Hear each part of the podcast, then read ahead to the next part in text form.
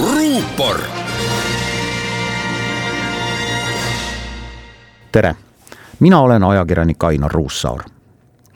kaheksa-aastase Otise kaisukaru leiti kahe tuhande neljateistkümnenda aasta seitsmeteistkümnenda juuli õhtul Ida-Ukrainast lennukirusude vahelt. sealsamas oli ka Otis, veel kaheksakümmend reisilennukis olnud last, kokku kakssada üheksakümmend kaheksa inimest Amsterdamist lendu alustanud Malaisia reisilennuki tulistasid Donetski lähedal alla selle piirkonna hõivanud Venemaa separatistid.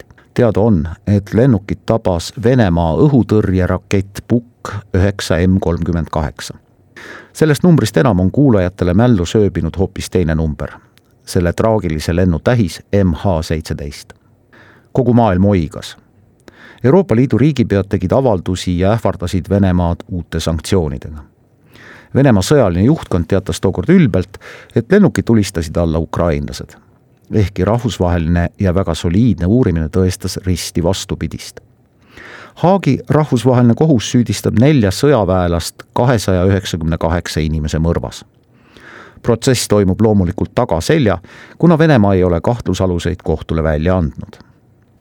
ja nii see jäi kaks päeva tagasi ei rääkinud kahesaja üheksakümne kaheksa inimese elu nõudnud allatulistatud lennust MH seitseteist enam keegi.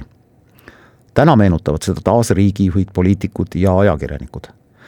sest Euroopa südames asub riik, mis sundis pühapäeval oma territooriumil maanduma Kreekast Leetu teel olnud reisilennuki selleks, et võtta kinni selle pardal olnud opositsiooniaktivist ja ajakirjanik Raman Prataševitš ja tema elukaaslane üheksa riigi parlamentide väliskomisjonide juhid nimetasid toimunut piraatluseks, Valgevene võime ebaseaduslikuks ja kutsusid üles keelustama ülelennud selle riigi õhuruumis.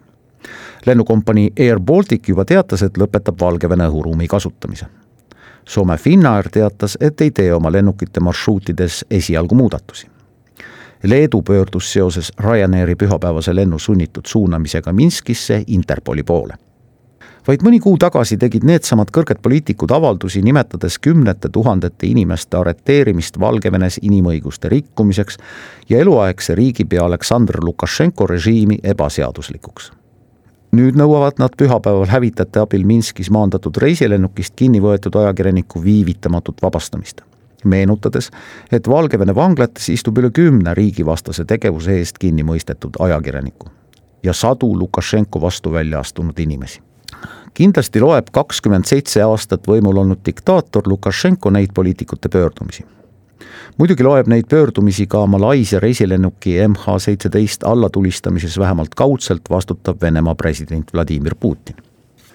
esimene neist, ikka seesama Valgevene diktaator, on juba teatanud, et lääneriigid on pühapäevase lennukijuhtumi kohta esitanud poliitilistel põhjustel alusetuid väiteid Valgevene tegevus vastas täielikult rahvusvahelistele reeglitele, kinnitasid diktatuuririigi juhtkonna liikmed. Putini esindaja teatas, et on lääne reaktsioonist lennukijuhtumile šokeeritud ja Venemaa ei jäta Valgevenet. mis siis tegelikult pühapäeval juhtus? juhtus midagi enneolematut. üks riik röövis rahvusvahelise reisilennuki, kasutades selleks sõjalennukeid mida võib üheselt tõlgendada Leedu vastu toime pandud agressioonina Leedu, tuletan meelde, on NATO riik, Euroopa Liidu liikmesriik. mis nüüd edasi saab, küsib kuulaja ja küsin minagi. Valgevene lennukompaniil on ilmselt keeruline mõnda aega mõnda sihtriiki lennata. võib-olla keelustatakse mõneks ajaks Valgevene õhuruumi kasutamine ja sellel riigil jäävad saamata ülelendude tasud. ja siis?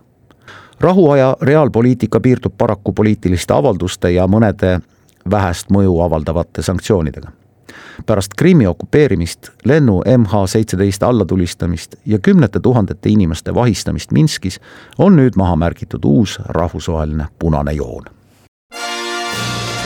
ruupor